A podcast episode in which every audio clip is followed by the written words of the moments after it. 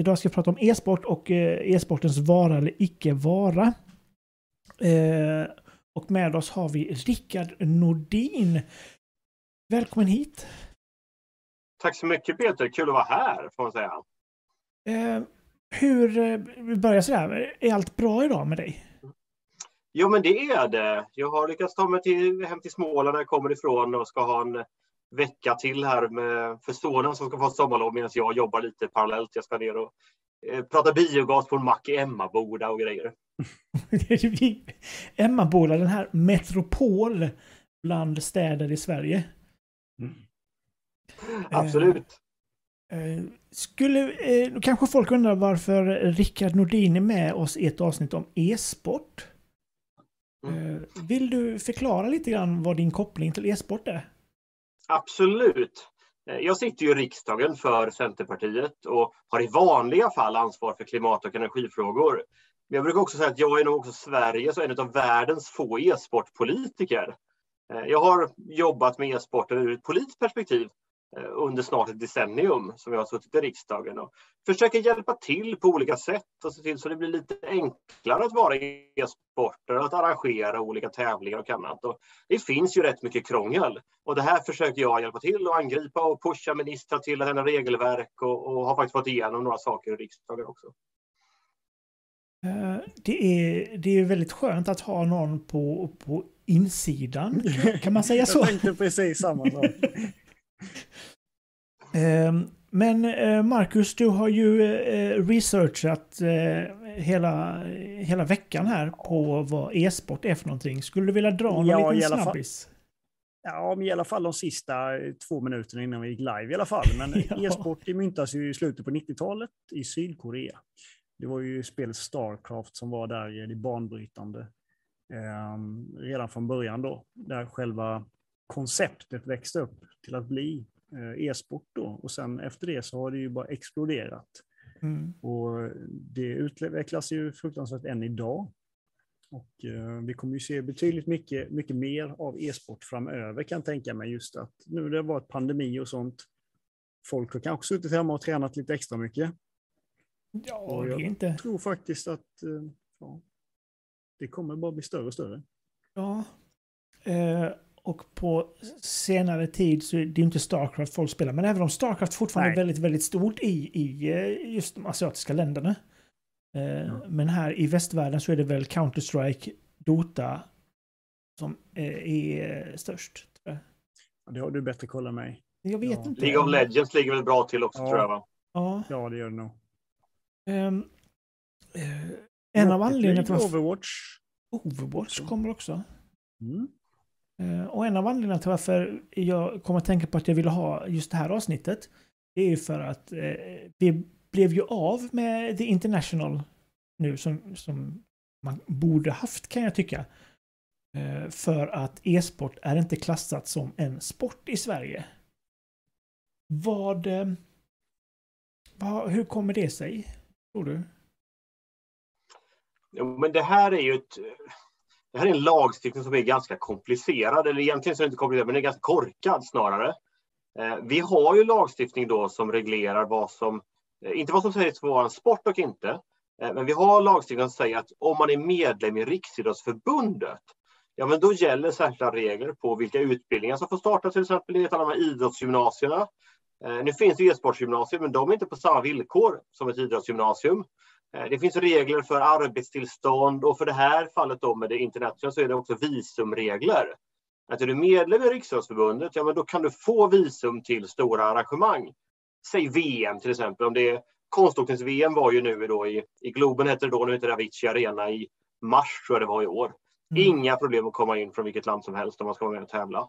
Medan då e-sporten är inte medlemmar i Riksidrottsförbundet, eh, vilket vi liksom hade en fight om också. Eh, för att få vara med och, och följa liksom på mållinjen där. Eh, men då får man inte dra nytta av de visumreglerna, utan då ska man ansöka om visum som vem som helst. Och då är det inte så himla lätt om man kommer från Belarus till exempel, eller ja, en del andra länder som det är svårt att ta sig in i Sverige på. Och då faller man utanför och det är det som har hänt här. Mm. Vad, varför eh, är det för att det inte är något Eh, direkt kopplat till eh, motion kanske? Eller någon fysisk ansträngning liksom? Är det därför inte Riksidrottsförbundet vill ta in e-sporten?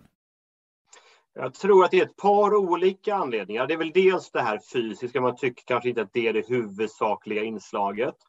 Eh, sen är man också lite osäker på det här med hur, hur är det organiserat? Vanliga sporter har ju ofta så här lokal nivå, distriktsnivå, nationell nivå som har seriesystem och tävlar på det sättet. Medan e-sporten, där kan man ju tävla. Jag menar, där kan ju en person från Piteå tävla med en från, eh, från Ystad. Man behöver inte alls den här lokala kopplingen. Eh, vilket ju mm. gör det lite speciellt. Mm. Eh, och sen så är man också lite man är tveksam till det här att det är ju inte sporten själv som äger sina regler till exempel och, och sina plattformar, utan det är ju ofta spelföretagen. Det är Blizzard som äger Hearthstone som jag spelar till exempel. Eh, mm. Och det gör det lite knepigt. Då kan ju saker och ting ändras utan att sporten i sig kan besluta det. Sen fattar ju vi som håller på med e-sport, det här är ju en dialog med communityt och de kan inte göra vad som helst ändå. Men men rent principiellt så är det lite skillnad med fotbollen till exempel. Att där är det Uefa och Fifa som bestämmer helt enkelt. Nu ändrar vi de här reglerna. Eh, och offside-regeln får ändras, ändras på det här sättet. Ja, eller handsregeln som det alltid ändras i fotboll till och fram och tillbaka. eh, då, så att man styr mer över de egna reglerna. Det är inte ett företag som gör det, utan en organisation istället som sen kan vara medlem då på olika sätt. Så det är väl de tre huvudargumenten som jag har hört mot e-sporten. Sen tycker jag att man kan överkomma de där ganska enkelt ändå. Men det, men det är det som brukar anföras. Om vi tänker på vad, vad är för, vad, vad räknas för tycker du för att e-sporten ska klassas som en, en riktig sport? Alltså jag tycker ju att E-sporten har ju utmaningen att det ligger ju lite i mellanlandet mellan kultur och idrott. Alltså spelen som sådan är nästan en kulturyttring. Sitter man och spelar eh, Super Mario på ett gammalt Nintendo 8-bitars, det är ju kultur, liksom historia mm. verkligen. Eh, och egentligen så kanske mitt mål snarare inte är att man måste bli klassad som en sport och komma i Riksidrottsförbundet. För det får inte jag besluta i riksdagen ändå, utan det är ju, det är ju Riksidrottsförbundet som beslutar det. Utan snarare se till att man har samma förutsättningar man ska få samma visumregler, arbetstillstånd, liksom alla lagstiftningar och så vidare. För då behöver man inte vara med om man inte vill. Om Riksidrottsförbundet är dumma, ja men då är det skitsamma. Eh, men tittar man så finns ju avhandlingar till exempel gjorda på det där. Och det är ju det att ja, men du har ett väldigt tydligt tävlingsmoment i sportandet. Det krävs fysik, jag menar, den koncentrationen som du behöver om du ska vara Starcraft-spelare till exempel. Alltså, interaktionerna per minut som man gör är ju extremt många. Otroligt krävande. Och, alltså det är ju inte den här klassiska schablonbilden av en tjock kille i övre tonåren med en joltkola längre, utan vi har ha en ganska schysst grundfysik för att kunna vara på topp. Och det säger toppspelarna också, att det är en viktig del av deras vardag. Så att jag tycker rätt mycket sånt där som, som klassas som sport är, är liksom passar in på e-sport. Och tittar man på typ dart som är med i Riksidrottsförbundet så är det en precisionssport. Och CS om något är väl en precisionssport kan jag tycka. Ja, så att jag, jag ser liksom inte, det är så otroligt mycket mer som förenar än som särskiljer. Verkligen. Eh, och nu gick vi alltså miste om eh, The International. I, eh, kan man prata siffror? Hur mycket pengar tappade Sverige som land på att inte få hålla detta? jag tror att det är svårt att värdera. Alltså det är en stor del är ju anseende. Och det är ju sånt som är svårt att mäta i pengar. Mm. Men jag menar, vi missade ett antal spelare som skulle komma och de kom ju hit och sover och äter som alla andra. Liksom. Eh, nu, det hade inte blivit så mycket publik eh, live. Eh, det hade blivit en del publik, men inte så mycket publik som man kunde tänka sig. Jag tror att man hade fyllt Globen i vanliga fall och då pratar vi väldigt stora pengar. Då är det ju mångmiljonbelopp. Mm. Eh, men sen var det väl i prispengar som, som The International skulle, skulle leverera var 450 miljoner tror jag ungefär. Det är inte det pengar som Sverige förlorar, liksom, men det visar hur stort det här evenemanget är. Ja. Jämför det med liksom innebandy-VM eller någonting. Alltså det är ju helt andra summor. Där får ju spelarna nästan betala för att vara med i innebandy-VM. Så att det, det är ju det är så sorgligt att missa ett sådant evenemang. Mm. För jag tänker också att anseendet för Sverige, och där den största skadan är att vi inte kan klara av att klassa e-sport på ett sätt som gör att man får bli inkluderad. Speciellt med tanke på hur många duktiga e-sportare vi har i det här landet. Känns ju ändå som e-sportare drar något fruktansvärt med tittare också. Som du just säger då, innebandy-VM kanske inte alla är intresserade av att titta på när Sverige spelar kvartsfinal eller någonting. Men just i e-sporten, man vet ju alltid folk som har på det lite i bakgrunden och tittar på de stora turneringarna och sånt. Det spelar ingen roll var de kommer ifrån eller vilket lag de tävlar med, utan det är ju, är du intresserad av spelet så kanske du tittar på det ändå. Det känns ju som det blir så explosionsartat mycket större. Jag tror att det är en halv miljon människor i Sverige som tittar på e-sport åtminstone varje vecka. Ja. Och det är ju det är väldigt mycket mer än många andra sporter. Ja, verkligen. Vad, eh, vad kan vi göra för att eh, eh, eh, du säger att vi förlorar anseende. Kan det vara för att e-sporten inte ses som lika fin kanske? Eller att eh, det står lite utanför? Hur kan vi inkludera in e-sporten i samhället liksom? Ja, men det, det, är ju det jag försöker göra åtminstone från ett lagstiftningsperspektiv. Att se till så man har schyssta förutsättningar. Så man inte ska hamna i den här situationen. Och det, man behöver ju också en hjälp. Alltså, det här går att göra på både lokal nivå men också på nationell såklart. Men på lokal nivå till exempel, det jag vet att en del kommuner har gjort är att se till så att man, ja men om man har en e-sportsförening, då får man samma så här aktivitetsbidrag som man får om man är en idrottsförening i allmänhet eller någon annan förening. Eh, det handlar ju om pengar om när du engagerar unga människor upp till 25 tror jag. Eh, samlar man människor så, då, då får man en viss peng per, per gång. Mm. Det går ju att göra och där kan man ju pusha på sina lokala politiker och se till så att det blir så. Eh, jag jobbar ju mer på nationella nivån och försöker få folk att fatta vad det här är för någonting till att börja med och sen så se till så att vi ändrar lite lagar och regler. Det har ju till exempel varit så att vill du starta ett internetcafé, eller är fortfarande faktiskt, så um, behöver du alltså ansöka om tillstånd och betala ett antal tusenlappar för att det här skulle då anses vara dåliga ungdomsmiljöer. Och det här är någonting som liksom går tillbaka till flipperspelstiden och arkadhallarna som fanns då. Som då ansågs vara dåliga ungdomsmiljöer, som inte heller var det såklart. Men, men ni vet, liksom det, den här debatten om dator och tv-spel och videovåld och hela kittet mm. går tillbaka till det där. Så då finns det lagstiftning som har, liksom, har hängt kvar sedan 70-talet. Eh, som jag nu, jag har fått igenom i riksdagen att man ska sluppa det, men det ännu har inte kommit något förslag från regeringen som, som är de som måste lägga fram förslaget. Har vi lite tur så kommer det i höst nu att man faktiskt blir av med det där. Så man, man får starta en internetcafé som man vill.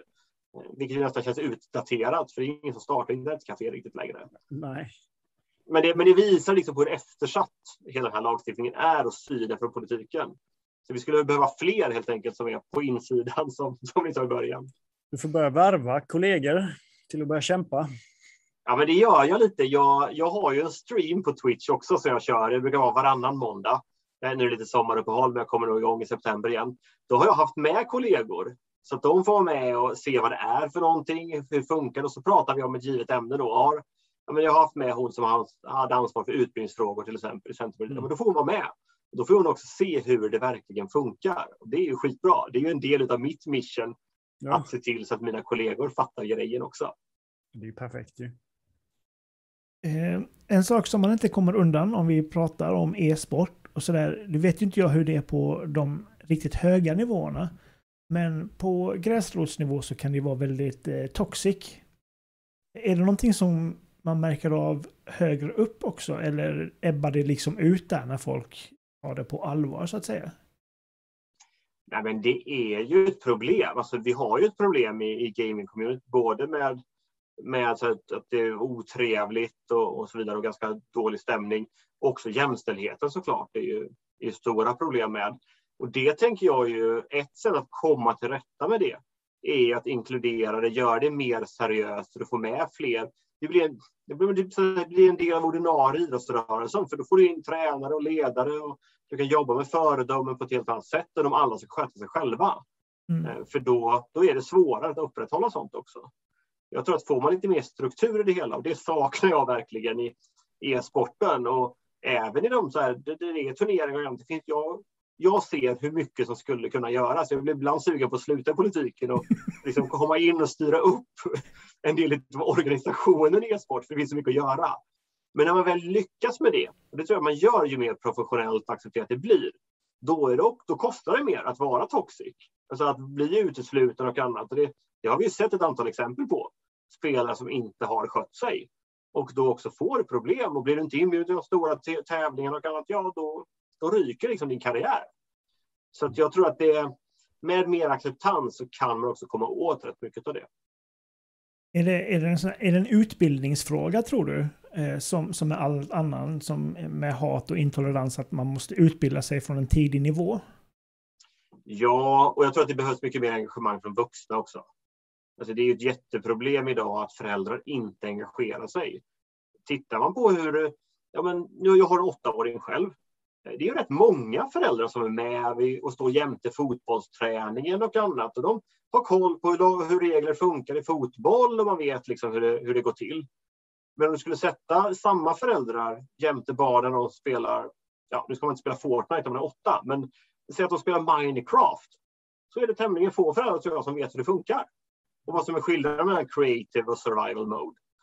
Men om man sätter sig jämte sitt barn en halvtimme eller en timme och faktiskt engagerar sig lite. Ja, men då blir det så mycket jobbigare att vara toxic när föräldrarna tittar på. Och dels så har man ett samtalsämne vid matbordet. Alltså, jag vet inte, alltså, jag och min son, vi spelar också Pokémon Go till exempel. Vi brukar ju ha så här frågesport, så här, tänk på en Pokémon. Och så sitter man där och funderar på, okej, okay, ja men det är, den är ganska stor och det är en normaltyp eller det är, liksom, det är en grästyp och så vidare. Helt plötsligt har vi fått någonting tillsammans där han är minst lika duktig som jag. Och det tror jag att många föräldrar borde engagera sig mer i. För då, då får man en helt annan stämning också när, när de är med. För då kan man också titta in och fatta vad det är som sägs.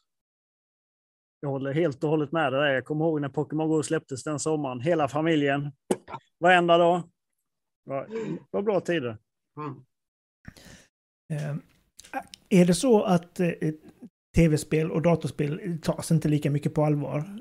Som du säger nu att eh, föräldrar är på fotbollen och handbollen och hockeyn. Och, men inte vid tv-spel, för det har fortfarande där. Det är fortfarande väldigt barnsligt att spela tv-spel. Ja, och det där är så synd, därför att det finns så mycket att vinna. Eh, min mamma är gammal rektor, har precis gått i pension och sådär. Och hon sa, brukar säga att ja, det finns ju en sak vi aldrig har problem med i skolan längre, speciellt bland unga killar. Det är engelska kunskaperna. Och det kommer ju från spelandet. Mm. Alltså min, min flickvän försökte säga någonting över huvudet på min son och så sa hon det på engelska. För det gick ju inte alls. Han var där, ja men varför ska vi bjuda in grannarna för? När hon hade pratat om neighbor. Så hon hade, han har ju stenkoll. Och då har inte han börjat med engelska i skolan ens. Nej. Så det, det, finns otroligt mycket bra grejer och det finns ju studier som visar på att om man spelar World of Warcraft till exempel och med en klan, ja men då blir man bättre på samarbete som i sin tur kan leda till högre lön på jobbet. Så det, och det finns ju massa olika sådana här saker som att drickandet i unga åldrar går ner. Och det enda riktiga förklaringsfaktorn man hittar, ja men det är spelande. För du kan inte sitta och spela och dricka samtidigt, för då har du inte en chans. Så här finns det ju jättemycket bra saker att ta hand om och ta vara på. Och det är nog det där som, som vi måste få, det är fel att säga vuxenvärlden kanske, men där, där fler vuxna behöver engagera sig och förstå helt enkelt. För att det finns så mycket att hämta och då, om man gör det, då kan man ju också få förståelsen för att om jag skulle säga till min son att nu är det mat, stäng av paddan direkt liksom, när han är mitt i en omgång av Among us. Ja, men då kommer han bli lite sur. Jag har respekt för det. Uh, och istället gör jag så att ja, men, så säger jag fem minuter innan det är mat, säger jag, Alvar, om fem minuter så är det dags att stänga av. Då vet han det, kan ta hänsyn till det. Du skulle ju aldrig om, om det spelas en fotbollsmatch på gården och de ska spela liksom en kvart, du kommer aldrig säga fem minuter innan här, nu får ni sluta, utan då har man ju respekt för att ja, men de skulle spela i 15 minuter, det visste man om. Och jag tror att förståelsen gör så himla mycket. Och det är ett ganska enkelt ansvar att ta som vuxna. Man kommer dessutom slippa väldigt mycket konflikter med sina barn. Eh, om vi eh, går och blir lite personliga. Vad eh, spelar du för någonting när du eh, spelar mest? Jag har varit inne lite på att vi spelar en del tillsammans, jag och min son. Eh, jag har, jag har ändå begränsad tid. Jag har ett, ett jag höll på att säga heltidsjobb och det räcker ju inte riktigt som när man är förtroendevald, för då jobbar man liksom formellt ett dygnet runt, men det gör jag ju inte. Jag måste sova ibland också. Men det tar mycket tid när man har handansvar för klimatfrågor och så där. Men eh, det blir ändå varje dag blir det lite Pokémon Go för att hålla igång kontot. Eh, sen spelar jag Hearthstone framför allt. Eh, det är ett digitalt kortspel. Så det, det har ändå varit Legend i som är högsta ranken eh, ett par gånger. Så det är ändå, det får jag ändå säga att jag är hyfsat bra på. ja. Sen är jag inte elit, som, liksom, jag skulle inte spöa gänget på, på DreamHack, men jag skulle ändå kunna dem en hyfsad match. Tror jag. Det skulle inte vara helt, helt kört. Så det är det jag är bäst i. Sen spelar vi en del tillsammans också. Så här, ni vet klassiska Wii-spel som Mario Kart, Skylanders och sånt. Mm. Eh, men jag gillar också mycket men lite äventyrsspel, gärna till Xboxet då. Eh, så då spelar jag Borderlands, ni vet också de här Dragon Age Inquisitor, eh, Kingdom of Amalur, liksom alla de här äventyrsspelen, de tycker jag är fantastiska. Jag är för långsam för att spela mot andra i, i shootingspel och sånt. Jag är för, jag är liksom för gammal för det. Jag, jag, får, jag får ta dem i huvudet istället i Hearthstone istället för att avtrycka fingret. Men det har nog någonting med ålder. Man kommer ihåg det man spelade Battlefield 4 så var man eh, trean och fyran så var man mm. riktigt grym. Men nu, nu spelar jag Call of Duty för någon dag sedan och eh, nej. nej. ja, det, jag, jag har alltid varit bättre i tanken än i fingret. Ja. Jag, eh, jag spelar ett nytt spel nu som heter Vigor. Alltså, utspelas i Norge. Och går ut på att man ska samla mycket saker. Också en sån här eh, Battle Royale. Eh, visserligen. Men du ska samla saker och komma tillbaka till basen och bygga upp den. Och jag märker ju att när jag blir beskjuten nu för tiden, jag vänder ju inte mig om och skjuter tillbaka. Jag springer ju jättefort. Och bara nej! Är det så att man blir lite mer eh, konflikträdd ju äldre man blir? Eller är det bara att man är så pass mycket långsammare så att eh, det är inte ens värt att ta upp eh, själva fighten? Är det därför jag alltid vill vara sniper helt enkelt? Så här, tryckt avstånd långt ifrån ja, är, är, är du inte så också så siktar man och så skjuter man så missar man första skottet så flyttar han sig, missar andra skottet. Sen så har de ju dödat den för länge sedan. Ja, det är klart. ja. Nej, det är obehagligt jobbigt är det. Ja, det är de där ungdomarna. Ja, och jag tror ja, genom, genom spel så får de några fruktansvärda simultanförmåga och eh, reaktionsförmåga. Ja, det är läskigt. Jag, jag, jag, än så länge spöar jag min åttaåring, men det kommer inte Vänta vara läskigt. Nej. Ja, min son gick väl om mig när han var ja, tio, tror jag. Sen har inte jag haft en chans på någonting. Mm. Du är ju inte eh, bara en spelpolitiker. Du, du jobbar, ditt jobb är ju inom miljön. Eh, kan man koppla miljö och spelande på något sätt? Är, är spel en miljöbov? På något sätt? Alltså, det digitala drar ju mycket el såklart. Eh, sen är elen i Sverige tämligen ren. Eh, Medan i många andra länder så består ju den av liksom, det är kolkraft och, och, gas och så vidare och en del olja. Och det är ju såklart ett jätteproblem. Eh, det som jag tror däremot är en av lösningarna är ju att ni vet, spelandet är ju väldigt duktig på att här, man ska återupprepa ganska monotona saker, men man gör det ju frivilligt och får liksom men, imaginära belöningar. Alltså mm. ett, men I mitt fall då, så här, ett legendariskt kort i Hearthstone är ju noll värt egentligen. Men jag är ju skitglad när jag lyckats skrapa ihop till ett sånt. Och det där, alltså, man kallar det på engelska man säger gamification, att spelifiera saker. Det tror jag extremt mycket på. Om man, men det är ju det man har gjort en del med träning till exempel, där eh, den här stegräknartävling är ju en sån sak, där du, så här, du kvantifierar din träning för att tävla mot andra. Det tror jag finns jättemycket att jobba med. I allt ifrån energieffektivisering till hur du kör din bil till massa andra olika sådana saker. Där man också kan plocka hem väldigt mycket miljöfördelar. Så det, jag tror att man kan integrera spelandet mycket mer i samhället. Och då, då kan man också plocka hem mycket saker som vi behöver göra helt enkelt.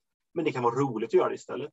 Så ju mer eco-drive man kör med sin, eller med sin bil, då, ju mer pokébollar får du till ditt konto? Ja, men det hade varit snyggt. Eller att du får något annat för, som fördel istället. Jag vet att det finns prov på att du laddar hem någon app och ju bättre du kör, desto lägre försäkringspremie får du.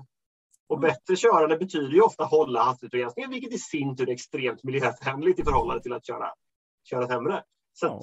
det finns en del sådana saker som är ganska snygga kopplingar som, man, som ju blir en spelidé nästan. Ja. Det låter jag inte dumt alls. Jag har en app på min telefon som heter Stepler.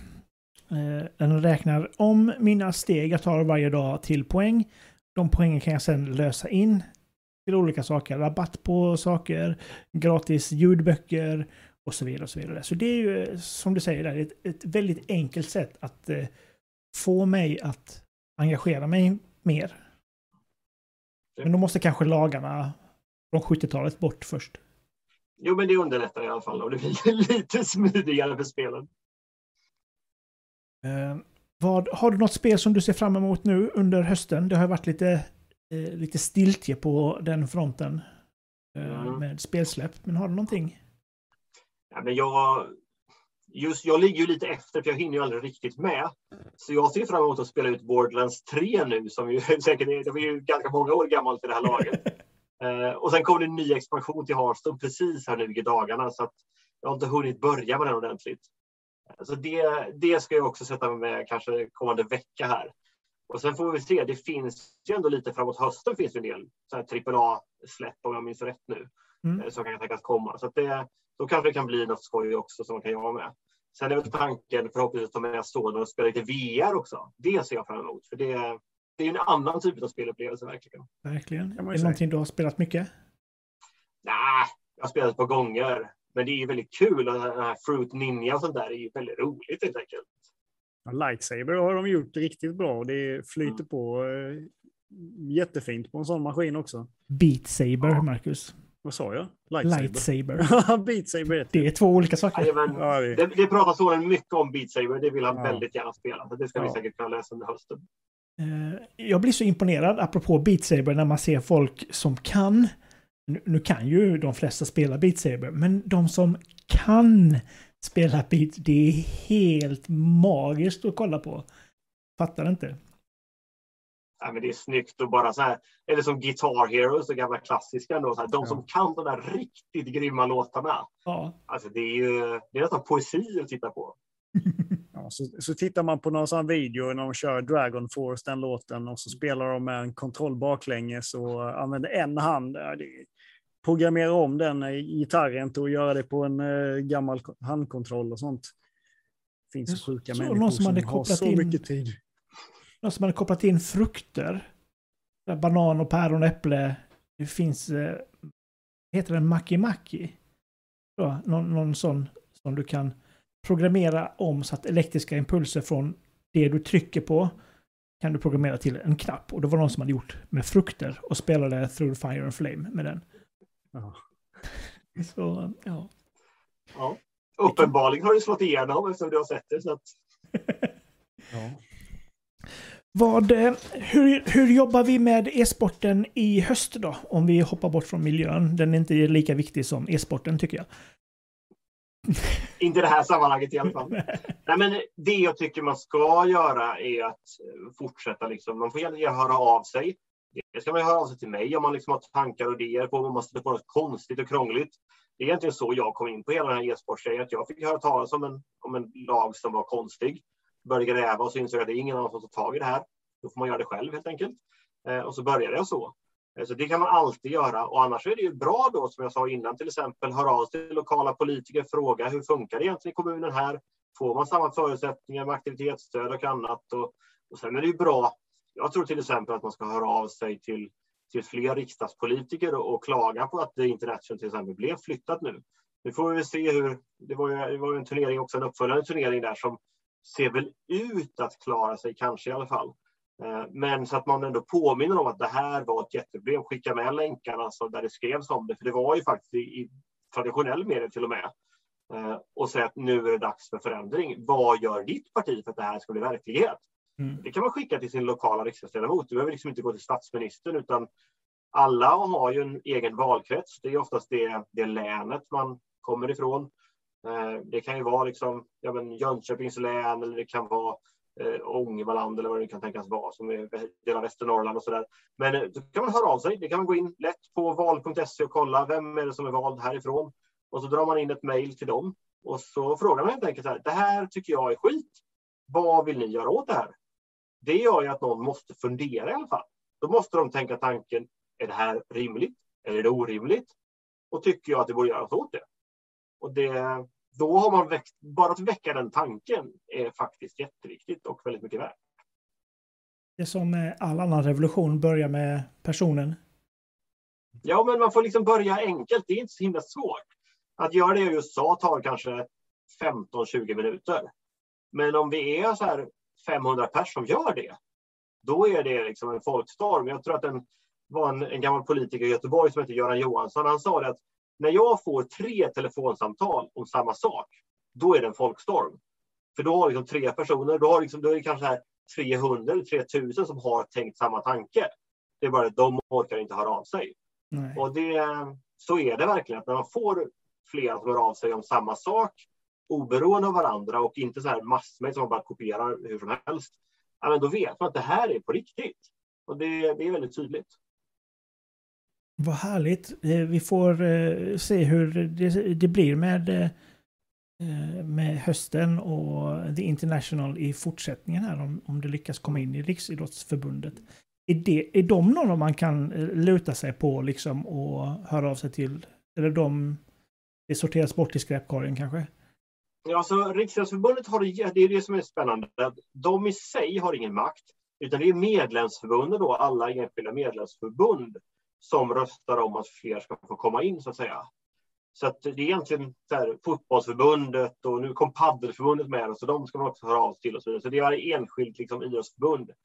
Eh, och sen kanske man borde höra av sig, för vi har ju två stycken e-sportföreningar eller förbund i Sverige. Vi har både Svenska e-sportförbundet och Svenska e-sportföreningen. Och de är inte jättekompisar. Jag, liksom, jag tar inte ställning, åtminstone inte offentligt. Men det hade varit bra om de kom överens, för då hade det blivit mycket starkare. Om de kan enas helt enkelt och göra gemensam sak, så blir man ju starkare tillsammans. Mm. Så det kan man ju också, vill man pusha liksom internt inom e-sportvärlden, så kan man faktiskt höra av sig till dem och säga skärp er, kom överens, lös det här. Jag tycker ju absolut så här att eh, ja, Rickard Nordin för nästa statsminister. Ni hörde det först här. ja, eller kulturminister, för det är vi som handlar om e-sportsfrågorna kanske. Så ja, att, eh. ja, absolut. Ja. Eh, för, apropå kulturministern, det är ju inte så att kulturministern bara har hand om en liten musikpryl, liksom, utan det är ju all sorts kultur som någonsin har uppfunnits som ligger på stackars Amandas bord där. Många, många jag, jag, tror också så här att om man nu ska få vara lite sån. Jag tror att statsminister vill jag inte bli, men det är klart att det har varit kul att vara minister. Och bara att vara det, då är man ju på insidan igen. Mm. Och det, jag tror att vi behöver ha in någon, även om det, oavsett om det är jag eller någon annan, så behöver man ha in någon som fattar e-sport. För då kommer det ganska snabbt bli förändring. För jag vet ju hur stort e-sporten är. Den syns ju inte på samma sätt som man ser fotbollen, för den kan man se när man går ut liksom på stan så går man förbi en fotbollsplan. Men e-sporten är ju minst lika stor på många sätt. Men den ser du inte. Men jag vet ju att det finns väldigt mycket att hämta för den som fattar att det här är någonting att, att plocka upp. Så att den minister som ser till så att e-sporten blir erkänd eh, och får schyssta spelregler, den, har ju, den, är, liksom, den är ju hjälte sen såklart. Men hur går det i, i själva ledet när du vill försöka påverka någonting? Tar du det vidare till de som sitter ovanför dig och försöker förklara hur du tycker och tänker och, och hoppas att de ska ta det vidare till nästa sanktion då. Mm. Så att det jobbar uppåt hela tiden så att alla ska förstå. Ja, precis. Inom Centerpartiet i mitt fall då. Ja. Så, så jag lyfter det ju med han som ansvar för kulturfrågorna. Per Lodenius sitter han hos oss. Eh, och han vet ju att jag har koll, så jag har ganska fria tyglar. Jag är i princip e-sports talesperson också.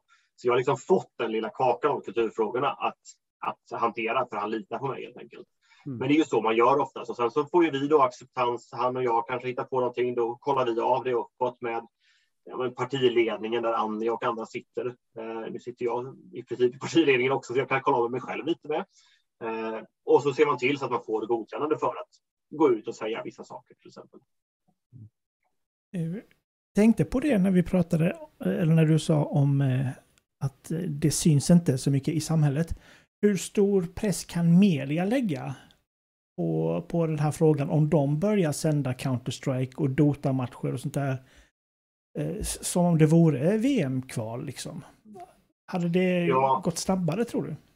Absolut. Ja, men ju mer som finns i linjär tv till exempel och annat, desto bättre. SVT har ju gjort en del och det är femman som sände en del matcher tidigare också, men de har ju plockat bort det. Det tycker jag är lite synd, för det, det ger ju ändå någonting att när folk sitter och snappar runt på kanalen så plötsligt så kan det komma e-sport och då dels får man en ökad förståelse, men dels fattar man att det här är någonting som också finns mycket mer Eh, traditionellt.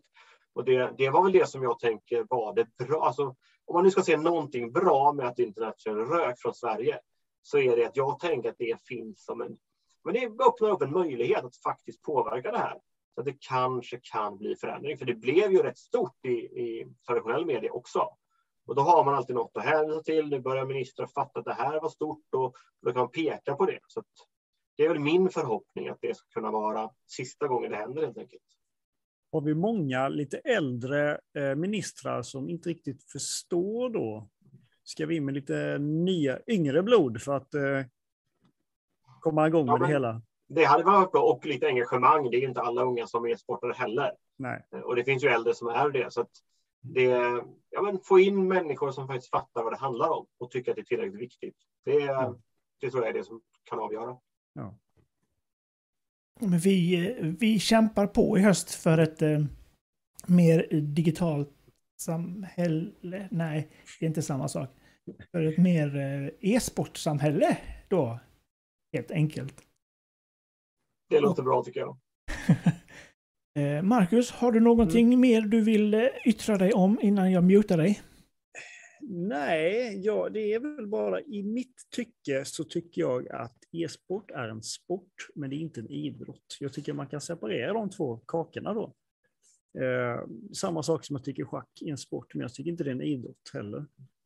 Eh, jag tycker de ska in i de facken faktiskt, på ett eller annat sätt. Eh, ja, det var väl bara det jag ville säga. Nu kan du muta mig. Tack.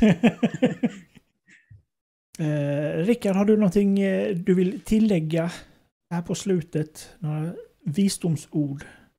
Jag tycker Marcus sammanfattade väl och min poäng är ju inte att bestämma om det är sport idrott eller vad man ska klassa, kalla det och klassa det som.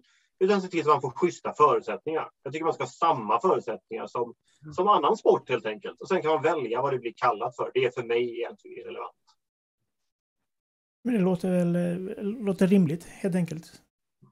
Så vi tar det därifrån och eh, får säga till alla som tittar och lyssnar att de får höra av sig till sina lokala politiker och så ändrar vi på detta helt enkelt. Tillsammans gör vi skillnad. Visst, det var här revolutionen började. ja. eh, Rickard, tack så jättemycket för att du var med idag. Tack själv, jättekul att vara här. Och eh, Marcus, det är helt okej okay att du kommer också. Mm, jag förstår detta. Ja, så... Det var trevligt att du rodde, styrde båten idag också. ja. eh, till alla er som tittat och till alla er som, som lyssnat, har ni några frågor, glöm inte att ni kan mejla oss och eh, gå in på vår Instagram, vår YouTube och lyssna på podden. Det här kommer ut som podd också. Och när ni hör detta så vet ni att det redan har hänt. Eh, det gäller att vara framtidssäkrad här också. Eh, nästa gång som vi eh, sänder live så kör vi en intervju med Rachel Post eh, som gör de läskigaste eh, figurerna och skulpturerna jag sett i hela mitt liv. Eh, och jag sa till honom under ett mejlsamtal där att jag tycker att du är lite, lite sjuk i huvudet. Och då sa han, jag tar det som en komplimang. Och eh, det är där vi sätter den ribban liksom lite. Eh, tack för att ni har tittat och tack för att ni har lyssnat. Tack Rickard och tack Marcus. Hej då! Ha det gött!